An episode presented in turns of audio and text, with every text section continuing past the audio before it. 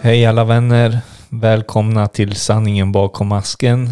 Eh, Alexander och Roger här. Hallå, hallå. Eh, kul att vara tillbaka. Absolut. Ja. Eh, vi har ju kört ett, en videoinspelning tidigare Mm. och täckt lite frågor och svar. Så vi uppmanar er som tit- följer oss på YouTube att gå in och titta. Lika eller dislika. Vilket ni än väljer. Ja, precis. Ja. Idag... Nej, ja, Mm. ja. Nej men kör du Roger. Du. Eh, idag så ska vi prata lite om övernaturliga saker. Vi hade, vi, vi hade, vi hade precis gjort ett videoavsnitt. Och eh, vi har ju bestämt oss för att eh, de här poddavsnitten, de ska vi hålla oss till podd. Vi ska inte visa dem så mycket i YouTube. Ni har fått lite för smak på YouTube nu av några poddavsnitt. Men Mm. då vi, har, då vi ska ha två videoavsnitt i veckan så, så kör vi två videoavsnitt men vi håller poddarna för sig. Så vi hade frågor och svar idag på vår Ja. YouTube-kanal. Så att det här är bara ni poddare som kan höra på. Och eh, ja, det är väl bra. Ja precis. Det blir lite exclusive content. Precis, och idag i frågor och svar så fick vi faktiskt frågan om eh, när man har en jobbig situation om eh, andlighet är bra då. Mm. Var det inte så? Ja precis. Mm. Medicin och andlighet. Hur det är liksom om det är vilket man ska välja eller... Precis, exakt. Mm. Och då sa ju vi det att eh, det bästa av två världar är bra. För man ska inte utesluta andlighet alltså. Nej. För andlighet det kan hjälpa dig när du mår psykiskt dåligt. När, kanske inte, när du känner att du blir sviken av vården. Så måste du ha något ställe där du kan anförtro dig till. Och varför inte använda andlighet då och tro på en högre makt? Absolut. För eh, jag sa det att vetenskapen har ju inte svar på allting. Och eh, även fast vetenskapen säger att det finns ingenting efter detta. Så de kan omöjligt veta det.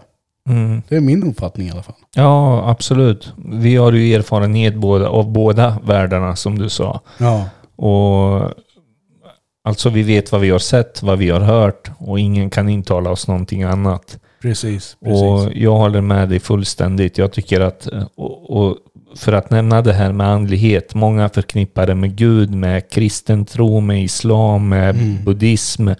Det har ingenting med det att göra, eller hur? Utan Nej. Man det ska är inte, mer... Man ska inte behöva landa i kristendom så mycket. För det har ingenting med andlighet att göra egentligen. Kristendom och eh, kyrkliga saker och så där, religioner överhuvudtaget. Det är, jag tror personligen att det är människans påhitt. Mm.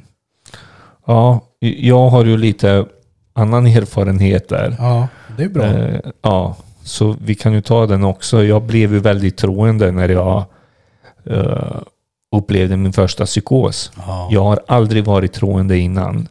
Jag är uppvuxen i en kristen familj. Men aldrig trott på Gud, aldrig brytt mig om Bibeln eller någonting sånt.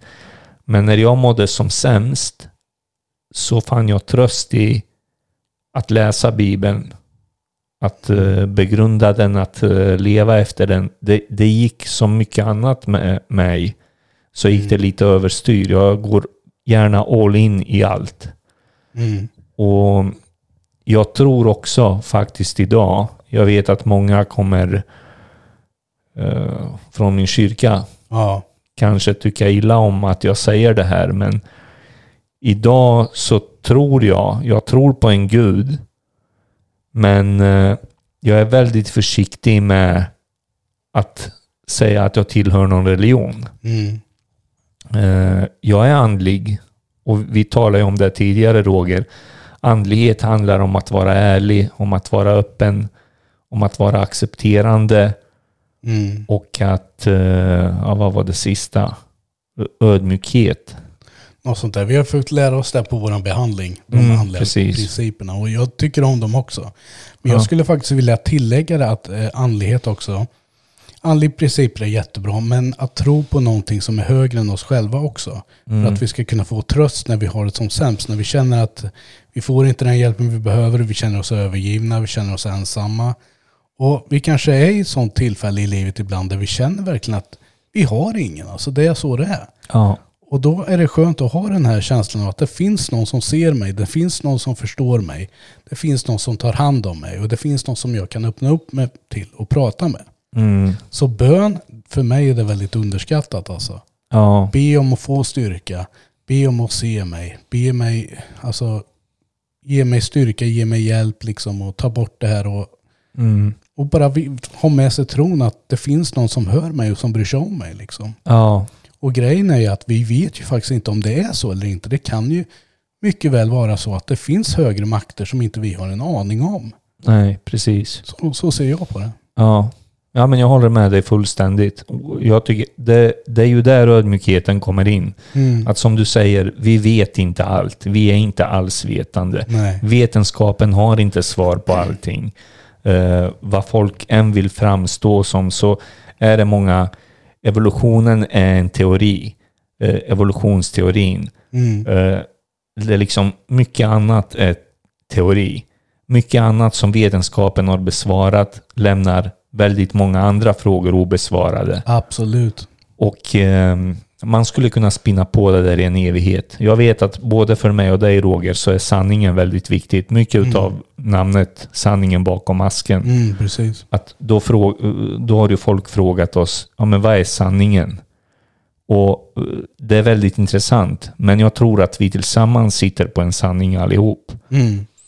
Och alltså att vi, vi har mycket att lära av varandra. Vi har inte alla svar själva. Nej. Och folk blir väldigt upprörda, eller många blir väldigt upprörda när de hör ordet Gud. Mm. Men som vi har fått lära oss på behandlingen, och det har du också tagit till mig väldigt mycket, att eh, Gud för dig kan ju vara någon, någonting som du själv tror på.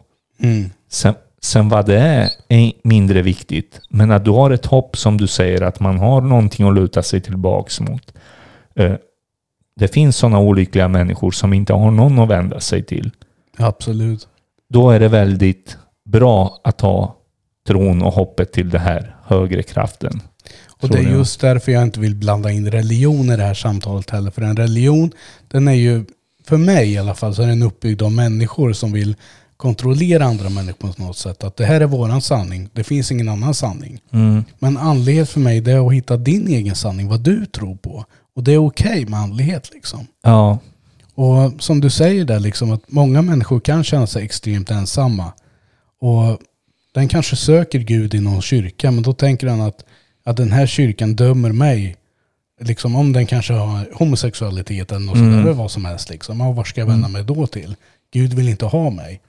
Mm. Alltså andlighet är liksom att, jag, jag, andlighet är för alla. Och Ja. alltid finns det någon som hör dig som är från andra sidan exempelvis. Om man, om Mm. man vill tänka det så.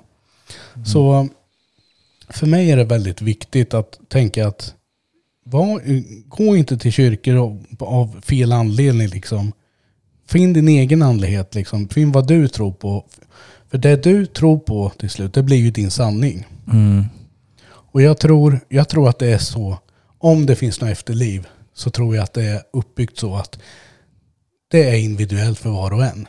ja. Så att eh, det finns någon för dig som är homosexuell, det finns någon för dig som är, ja men, bla bla bla. Mm. Det är vad jag tror liksom. Mm. Ja, precis. Och som ni hör så talar vi om sånt vi tror. Mm. Vi, vi påstår inte att vi har svaren. Vi påst- eh, både jag och Roger har upplevt saker som vi har svårt att förklara, som har hänt oss personligen. Eh, men vi är fortfarande skeptiska. Alltså det kan ha berott på sjukdom, det kan ha berott på någonting annat. Eh, liksom. Men vi har upplevt alldeles för mycket saker för att tro på slumpen. Mm. Och det har varit för mig en väldigt stor tröst att ha tilltron till en högre kraft när jag har mått så dåligt Ja, och inte kunnat vända mig till läkare, psykologer, eh, anhöriga. mm. Så ja, men jag hörde någonting idag Roger när vi talade tidigare. Så berättade du något nytt som jag inte har hört förut. Jag tyckte det var jätteintressant. ja precis. Jag tänkte att du skulle gå in. Vi ska ju tala om övernaturliga händelser så. Mm. Ja. Jag, jag ska gå in på det. ehm, Mm. Vi, har ju, vi har ju båda två varit med om saker som vi inte kan förklara. Mm. Och eh, Men jag tänkte innan, innan jag går in på det så vill jag också göra mig införstådd med att eh, jag, jag, jag tror ju, jag, jag har alltid sagt att jag är agnostiker på det sättet att jag vill få det bevisat för mig. Mm. Men samtidigt när jag tänker efter så har jag fått ganska mycket personliga bevis. Mm. Men för mig så räcker inte det utan det här är någonting som min kompis bredvid mig exempelvis ska uppleva samma sak. Då blir det liksom ett stort bevis. Är det Ja. bara bevis för mig? Det, det, det är så skevt på något sätt för att då blir det precis som att jag kan inte bevisa det för andra. Kanske lurar jag mig själv. Mm. Det är bättre Mm. om en hel skara är med på det. Och om vi exempelvis ska gå ut nu och göra sådana här tester som vi har pratat om. Vi ska testa OJJ-bord. Ja. Vi ska kolla spökhus. Kanske Mm. andra saker. Och det blir liksom bevis för oss. Då har jag ju dig med mig på det. Ja. Då blir det, då blir det lite lättare att greppa. ja, jag håller med. Jag Mm. håller fullständigt med. Mm. Och allt som jag säger, allt slumpmässigt inom citattecken, för jag tror inte på slumpen som har hänt mig. Nej. Eh, mycket av det som har hänt har jag haft andra som har sett och hört också. Mm. Eh, så jag litar inte bara på mig själv alltså. Jag vet att jag har en sjukdom. Jag vet att jag har haft psykoser. Och jag vet att jag kan lura mig själv lätt. Men Mm. när det är andra, när det är två, tre personer som kan bevittna samma sak. Ja, men då är det inte slumpen för mig längre. Nej. Då är det liksom, vi ser samma sak, vi hör samma sak, men vi kanske uppfattar det på olika sätt. Mm. Så, ja. Ja men just det.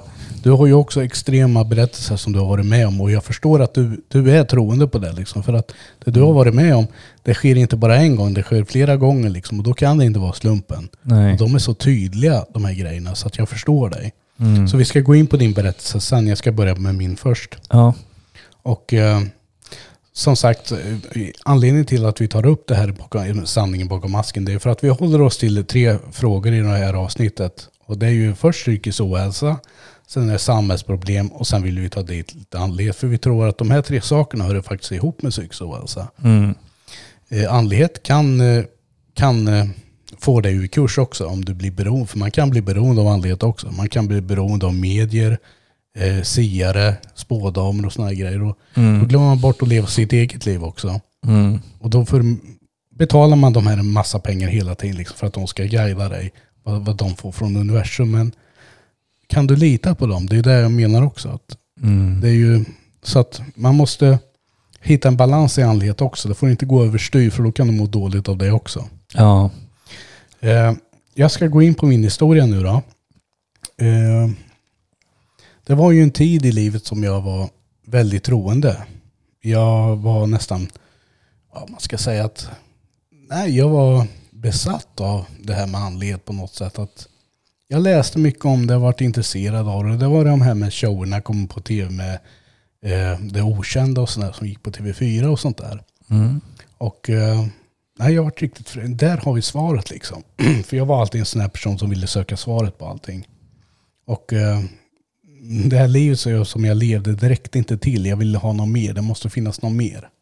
För mig har det alltid varit att det måste finnas något mer, annars så är det här meningslöst allting. Liksom. Mm. Vi vaknar, vi föds och sen så dör vi så är det svart. Liksom. I den stora evigheten så lever vi liksom bara en bråkdel av allting. Liksom. Mm.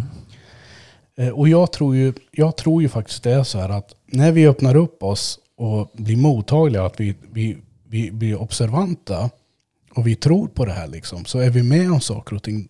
Vi, vi, vi lägger märke till detaljer som vanliga människor kanske inte gör. I och med att vi är insatta i det här och vi väntar på någonting hela tiden. Att allting är tecken och sådär. Och det så, allting kan ju bli tecken. Det kan det ju bli och det är ju farligt det också. Men Mm. jag var faktiskt med om väldigt konstiga saker. Min pappa dog ju 2006. Och eh, i den vevan så var jag väldigt mycket. För det var en, ett medium då hade sagt till mig att du har det här inom dig. Så om du tar fram det här inom dig och vågar lita på det så kommer du vara med om saker. Och jag öppnade ju upp mig liksom. Jag började, jag började till och med leka med att jag coachade andra. Liksom. Att jag tog hem klienter eller människor till mitt hem. Och läste av dem. Mm. Och det funkar. Mm. Och, eh, och då fick jag ju mer självförtroende här också. Och eh, när min pappa dog så var jag inte, jag var inte orolig för att han skulle dö. Jag visste på något sätt att Han kommer finnas kvar, han kommer leva vidare. Jag var övertygad om det liksom. Och det hjälpte nog mig i min sorg lite grann. För att Mm. förlora. För vi hade ju tre dödsfall i familjen då på loppet av sex månader. Och jag tror det hjälpte med alla tre dödsfallen att jag var så här troende som jag var. Mm. Och jag hjälpte till och med resten av min familj och var övertygad också. Så att alla vart troende på det sättet. Eh, men i alla fall, eh, det som var konstigt var att jag var med om en massa tecken som jag tror, trodde då var från min far. Och eh, efter hans dödsfall exempel, vi kan börja med att när min pappa dog, när vi, jag stod vid hans dödsbädd, så hörde jag en låt i huvudet. Och det var en låt av Elton John som heter Tonight. Eh, jag har ju alltid varit ett riktigt fan av Elton John så jag kan ju alla hans låtar och sådär. Men just när han dog så hörde jag den här biten och den gick om och om igen på repeat för att det var väl... Eh, när jag kom dit, för han låg i Örebro på dödsbädden där.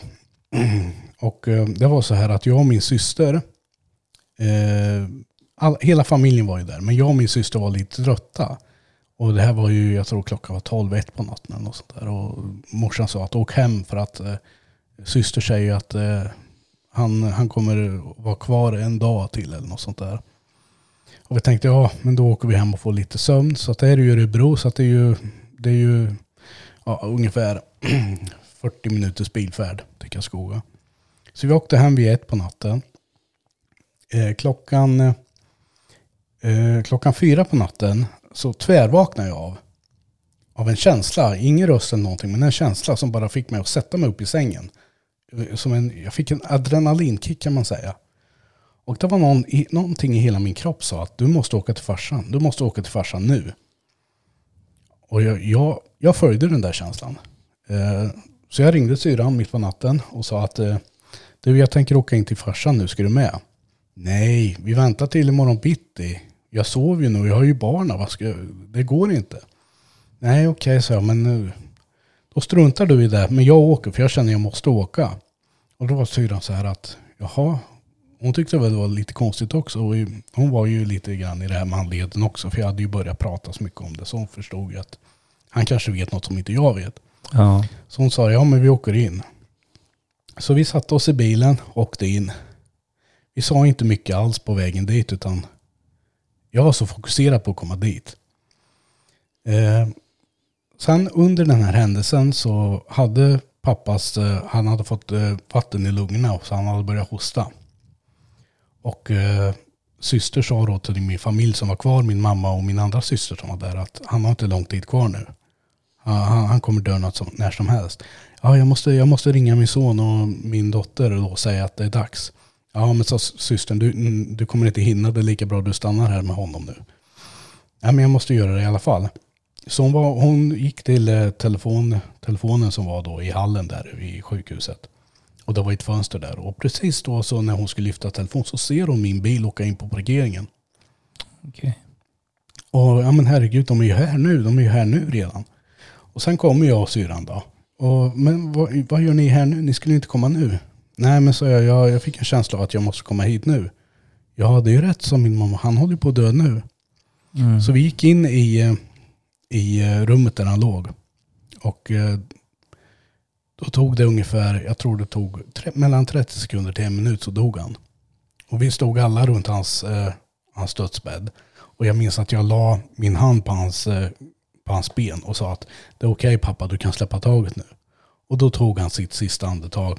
Han, re, han eh, reste sig upp i sängen som i panik på något sätt. Mm. Och sen så bara la han sig ner och, och dog. Och det var då den här låten började komma. Mm. Som, ungefär som man fejdar upp en låt liksom. Ungefär som på radio. Så började jag höra den här pianomusiken som Elton John. Och det är en låt som heter Tonight. Och texten handlar om att eh, Tonight I just want to go to sleep. And don't feel sorry for me. And, eh, ja, massa sådana här konstiga grejer. Ja, men det betyder mycket för dig. Det, Jag förstod inte det först- då. Nej. jag, jag tyckte fortfarande det var konstigt just känslan jag fick att jag måste åka dit nu. Och det, det tycker min Mm. mamma och mina systrar än idag är helt jävla crazy alltså. Mm. Just det klockslag vi kommer in när det är en minut kvar liksom. Mm. Ja, i alla fall jag kommer hem sen. Eh, vi har lite minnes, Eh, minneskväll, eller minnes, minnesstund för farsan.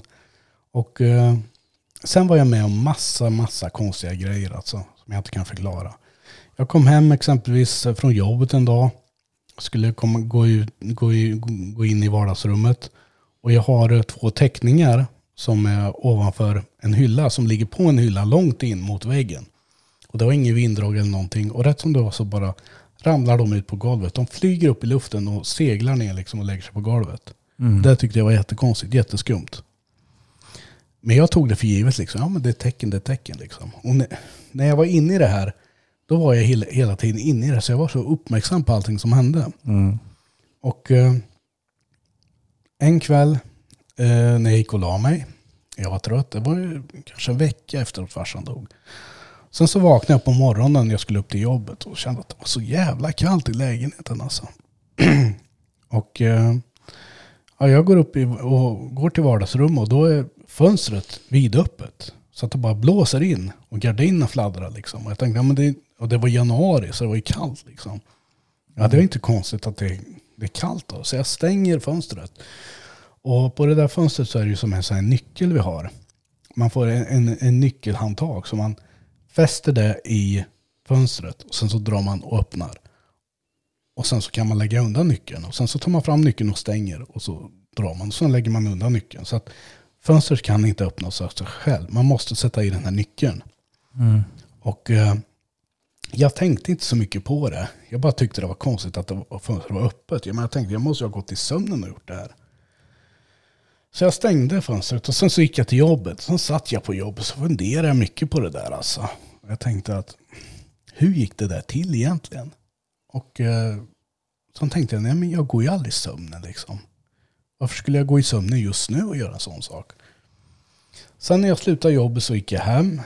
Och eh, jag tänkte jag måste ju kolla det där. Så att jag kollade på fönstret och stod länge liksom och tittade på det och funderade på hur det här kunde gå till. Liksom. Sen gick jag fram till fönstret och försökte titta liksom om det var någonting. Och då såg jag det här handavtrycket. Fem Mm. fingrar som var pressat mot fönstret. Mm.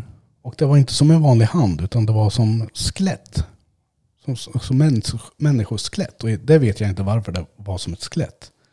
Man, man skulle kunna tycka det var väldigt obehagligt för det stod obehagligt ut. Mm. Men det var inte obehagligt. Jag fick som ett lugn. Jag fick liksom, det här är ett tecken på något sätt. Ja. Och jag vet inte om det var pappa eller om det var någon annan. Men det var konstigt. Ja. Och jag, jag tog bild på det här fönstret och visade morsan och allting. Och de sa att ja, det här är ju väldigt konstigt alltså. Och att sådana här saker händer just nu. Och ja, och det var en grej också som har bara fastnat liksom i huvudet. En annan grej var i samma veva, någon vecka efter och så, här, så hade jag en liten karfest som vi kallade det på den tiden. När jag och min bästa kompis som jag hade då, barndomsvän. Vi satt och drack öl och så tittade vi på musikvideos ihop och sådär Ja. och snacka. Och eh, då kollade vi faktiskt på en konsert med Elton John. Och var- i den konserten så var den här låten, Tonight, när han spelar piano. Mm. Och eh, jag kommer på det och säger, du sa jag, eh, nu ska jag visa vilken låt jag hörde när farsan dog. Okej, sa han, ja. Och det var ju DVD så jag valde bara det spåret. Och så sattes låten igång. Han började spela piano och den här låten sattes igång. Och jag kände liksom ett lugn i rummet. Ungefär samma lugn som jag kände på dödsbädden. Och Mm. sånt lugn. Och det gick inte många minuter. Så släcktes lampan i hallen. Och det är också en konstig idé. Jag har aldrig haft problem med elektricitet någonsin. Naturligtvis så kan du ju ha förklaringar. Men det som var konstigt var att min kompis sa att ja men det är en lampa som har gått. Ja okej, ja, så jag gick ut i hallen och jag tänkte jag trycker på lampknappen eh, på väggen. Och så sattes lampan igång. Och det betyder ju att det är någon som har tryckt Tryckt på lampan. knappen. Mm. Precis. Det, är liksom, det var inget fel på lampan. Det var inget fel på lampan. Nej. Det var någon som hade tryckt på väggen. Och jag Mm. sa det till min kompis. Det här är ju jättekonstigt, märker du? Ja men det är ju katten. För jag hade katt på den tiden. Det är katten som hoppade upp och tryckt på knappen. Och det kunde inte ha varit så. För att katten var, för det första så låg han i mitt sovrum och sen så är det så högt upp. Och eh, nej, det, jag köper inte det. Nej. Och det var också sån här konstigt. Jag fick en sån här känsla, samma känsla när jag hörde låten då, som jag hörde i mitt huvud på dödsbädden. Och samtidigt släcker lampan. Och det var någon som hade tryckt. Liksom. Ja. Och jag, det är mycket andra saker som jag kan berätta under den tiden också. Men Mm. eh, det, är inte, det, är inte lika, det är inte lika tydliga bevis för mig själv. Nej. Och det här hände då när jag trodde som mest på det här. När jag Mm. öppnade upp mig för det. Mm. Idag så är jag inte lika öppen för det längre. För jag har stängt ner det på något sätt. Jag har tänkt att jag lurar mig själv vissa gånger. Så här, och jag, nu får jag komma tillbaka till verkligheten och sådär. Mm. Jag vet att det finns, att man kan lura sig själv och hitta på saker och sådär. Och när jag stängde ner mig själv på det sättet, då var jag inte med om saker som jag varit tidigare. Förutom Nej. när jag träffade dig. Då började de här sakerna hända igen. Mm. Och det vet du ju själv vad vi varit med om liksom.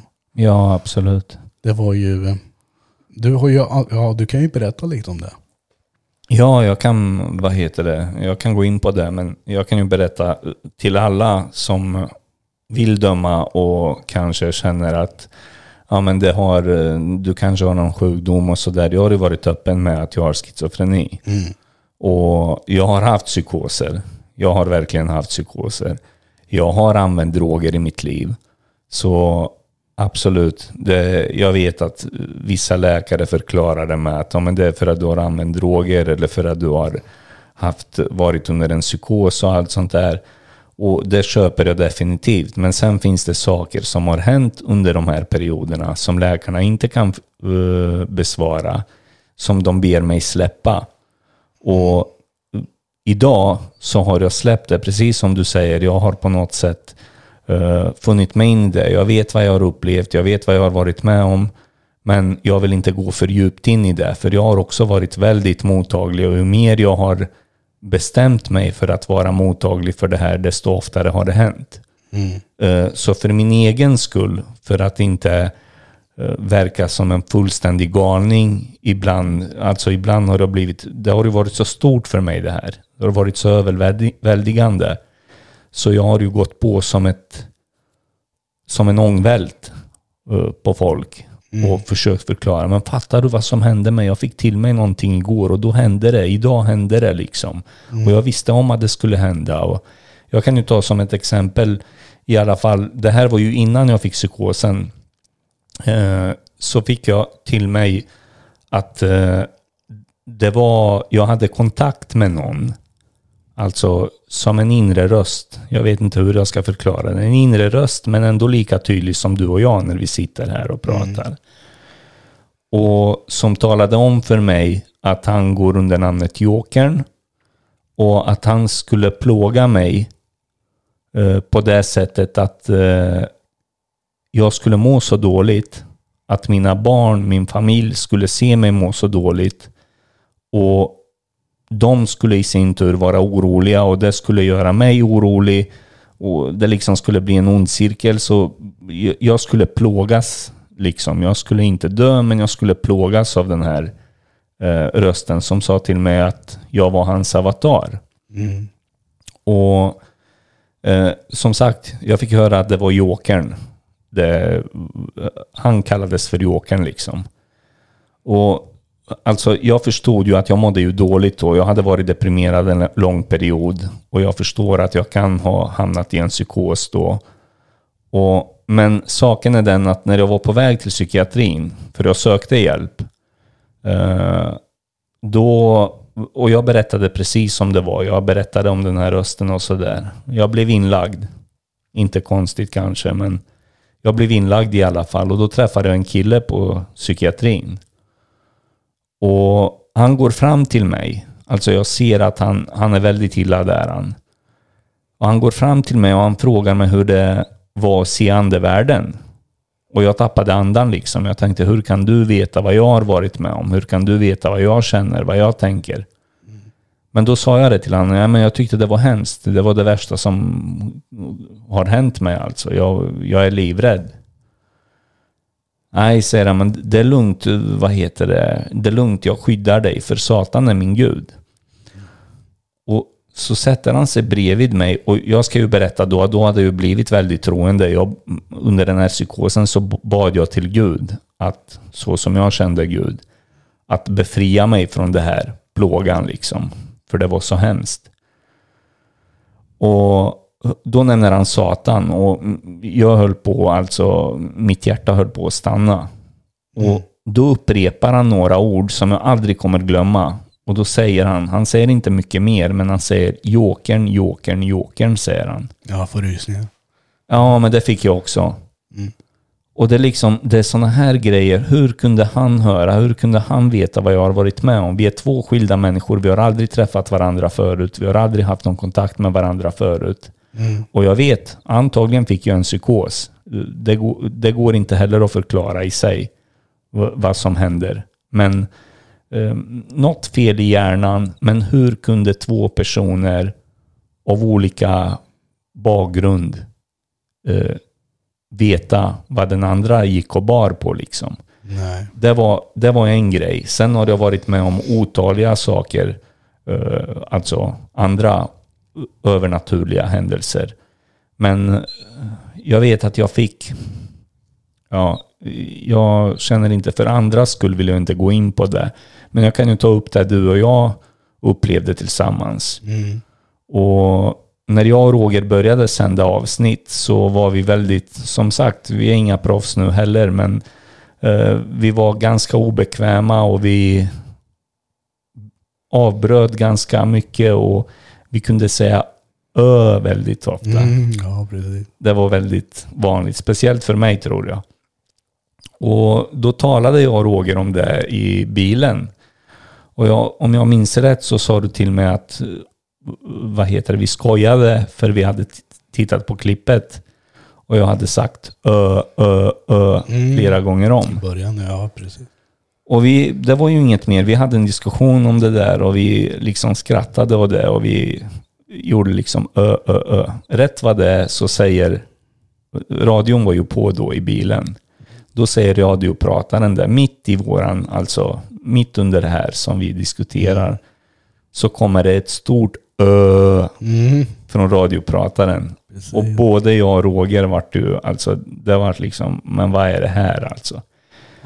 Och det är inte bara den gången. Vi var med en annan gång där vi, där du hade alkoholfri öl Mm. mellan sätena. Mm, just det. Och då säger Roger till mig, ta en alkoholfri öl. Och då är det någon reklam, för första gången tror jag, jag har hört den reklamen på radion. Och då säger den här rösten, ja men ta en öl i samma veva. Mm. Och det är ju sådana, det är obetydliga grejer egentligen, Fast, eh, men Fast eh, nej, det, det var inte bara en öl. Det var alkoholfri öl han nämnde på radion. Ja. Det, det, var, det var en alkoholfri öl. Mm. Och eh, det var, var, jag minns inte hela scenariot nu, men det var någonting, för jag sa, jag sa någonting till dig liksom att, ja men ska du inte ta en alkoholfri öl då? Och då sa han så här att, och då var det någon reklam på någon öl och då sa han det att eh, den här alkoholfria ölen i just samma veva, exakt samma, när jag, när jag hade avslutat meningen ta en alkoholfri öl, då hör jag alkoholfri öl på radion. ja. Och Ja. vi, vi, jag hade inte reagerat på det här så starkt om det bara var en grej vi hade varit med om. För då hade jag sagt att ja, men det är tillfällighet, det är slumpen. Men visst, men slumpen, vi var med om slumpen så jävla många gånger. Mm. Och skulle vi vara med om samma sak när det gäller Lotto, då hade vi varit miljonärer idag. Liksom. ja, ja verkligen. Så att, Ja. ja. men, det är därför jag reagerar på det också. För jag minns att första gången vi gick ut tillsammans, eh, ja, utanför behandlingen, vi drack kaffe ihop, så pratade vi mycket om det här med Övernaturliga. Ja, och är ja, psykoser. ja, Mm. Precis, och du pratade mycket om det och du sa att jag är med om så himla sjuka grejer. Och då var jag lite så här, ja men det här är ju intressant. Och då kom ju min nyfikenhet tillbaka liksom. Och då, det triggade igång min liksom tro på det här lite grann igen. Mm. Och efter det så var vi med om väldigt mycket saker som, vi- som vi inte kan sopa under mattan. Det går inte. Nej, nej. Och eh, mm, Ja. Men det är ju liksom, många kan ju känna så här, men vad var det för något? Det var liksom, det var väl ingenting. Och det känner jag, det känner jag också. Vissa saker var liksom, det är ju ingenting att göra en stor affär av. nej. Men jag ska ju, jag vill ju nämna det att jag har aldrig upplevt sådana här saker förut. nej. Så det var lika mycket en chock för mig Mm. som det var för många andra som jag berättade det för. Mm. Liksom, jag förstår att människor trodde att ah, nu är han psykotisk igen. Nu är han liksom Ja, men det här mår han då- dåligt igen. Då Men, skulle ju jag vara psykotisk också, för jag var ju med om det här också. ja, ja, Och det är ju, vi har ju ett avsnitt som ligger på YouTube som heter an, andlig kommunikation eller psykoser eller något sånt där. mm, Och där precis. pratar ju du väldigt mycket om fler upplevelser som du har haft. Så det är ju mycket med skorna och sådana grejer också. Ja, ja, precis. Att- Ja, sko, skohändelsen var rätt häftig också ja, faktiskt. ja, men du kan ta den också. Men ja, ja men jag, jag vet inte var jag ska börja nu. Det känns som att jag har talat om det här så många gånger så det känns som att jag upprepar mig. Men jag Mm. får eh, absolut, jag får tänka tillbaks lite. Men jag hade köpt ett par nya skor Mm. och inget märkligt med det. Eh, liksom jag, eh, jag tog på mig de där skorna, jag gick ut och då kommer en helt främmande människa till mig. eh, och sneglar ner på mina skor och tycker att ah, vilka fina skor du har. Och då ska jag nämna, det här var inga vita skor, det var inga rosa skor, det var liksom vanliga skinnskor. Mm. Inget speciellt med dem överhuvudtaget. Ja, tack sa jag. Ungefär som ja, man skulle säga i vanliga fall. Men det var någonting med de där, eh, jag tror jag såg på film eller någonting. Och så är det, eh, så diskuterar några.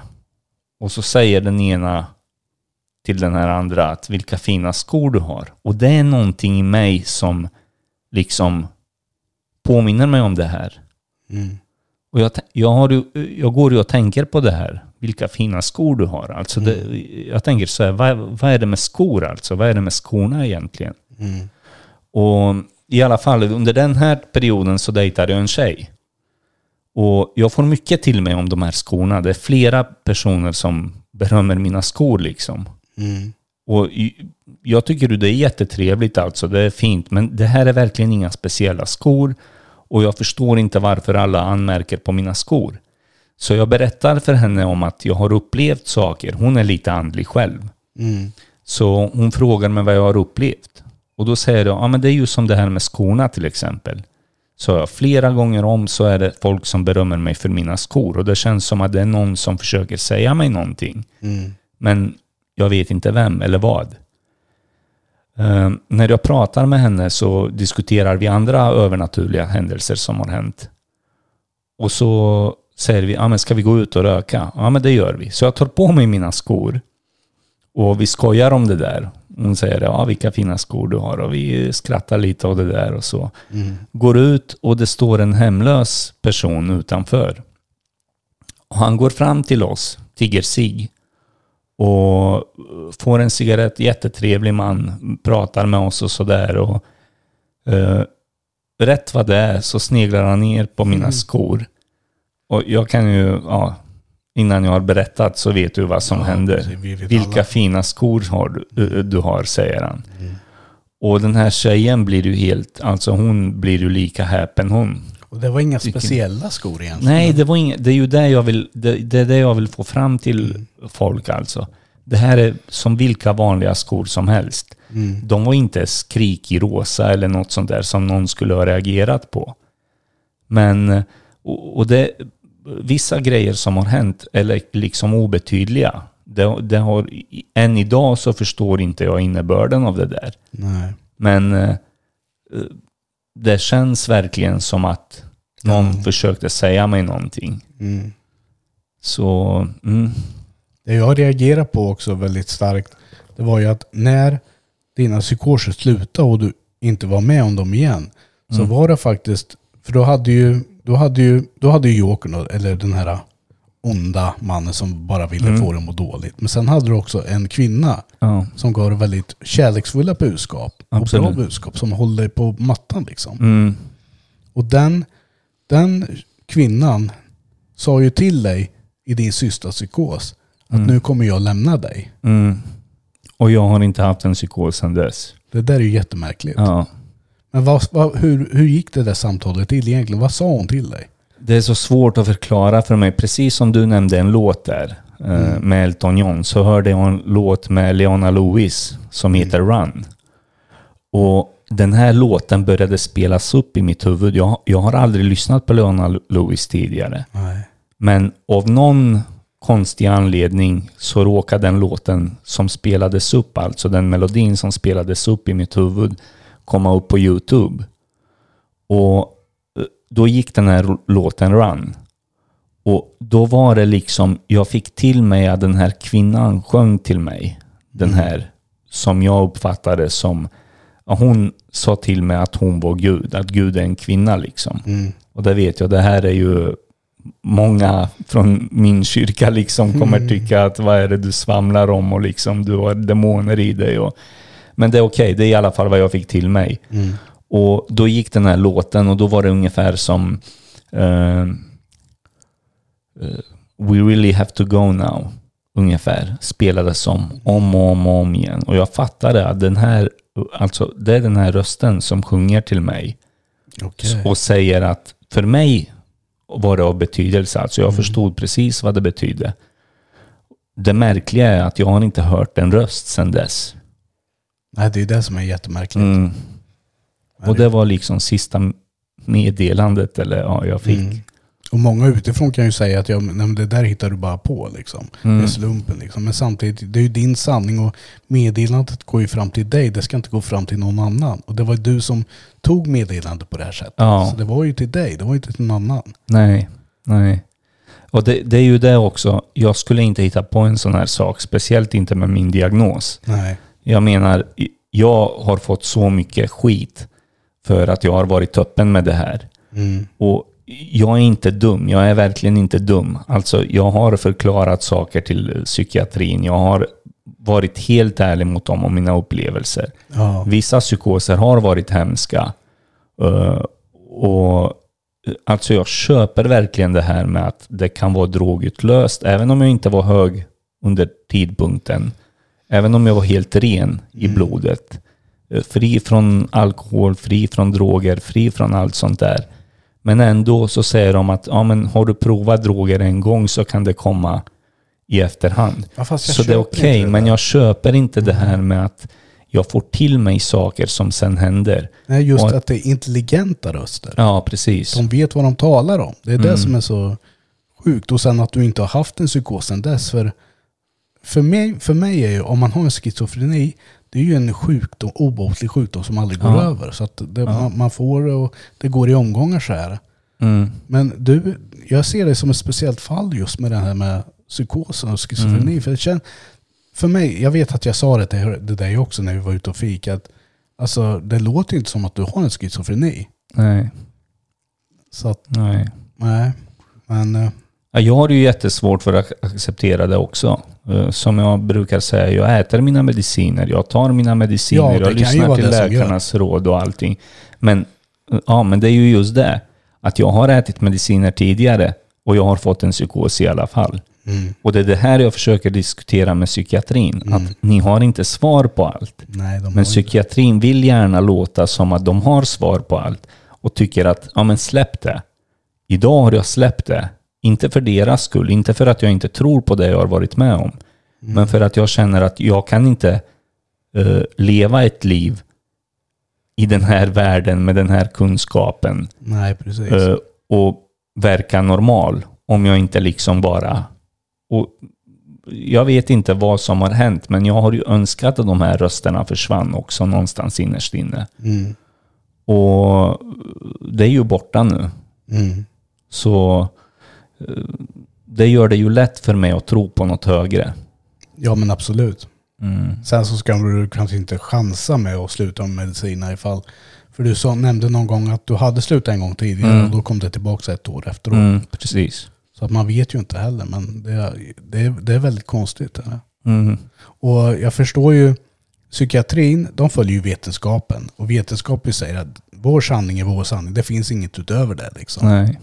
Men som sagt, vetenskapen har inte svar på allt. Och det är ju, det är ju från första början med vetenskapen började. De har ju haft fel flera gånger med hur Mm. universum fungerar och våra planeter har cirkulerat. De har ju fått ändra åsikt hela tiden. Mm. Men innan det, då var det det som var sanningen. Mm.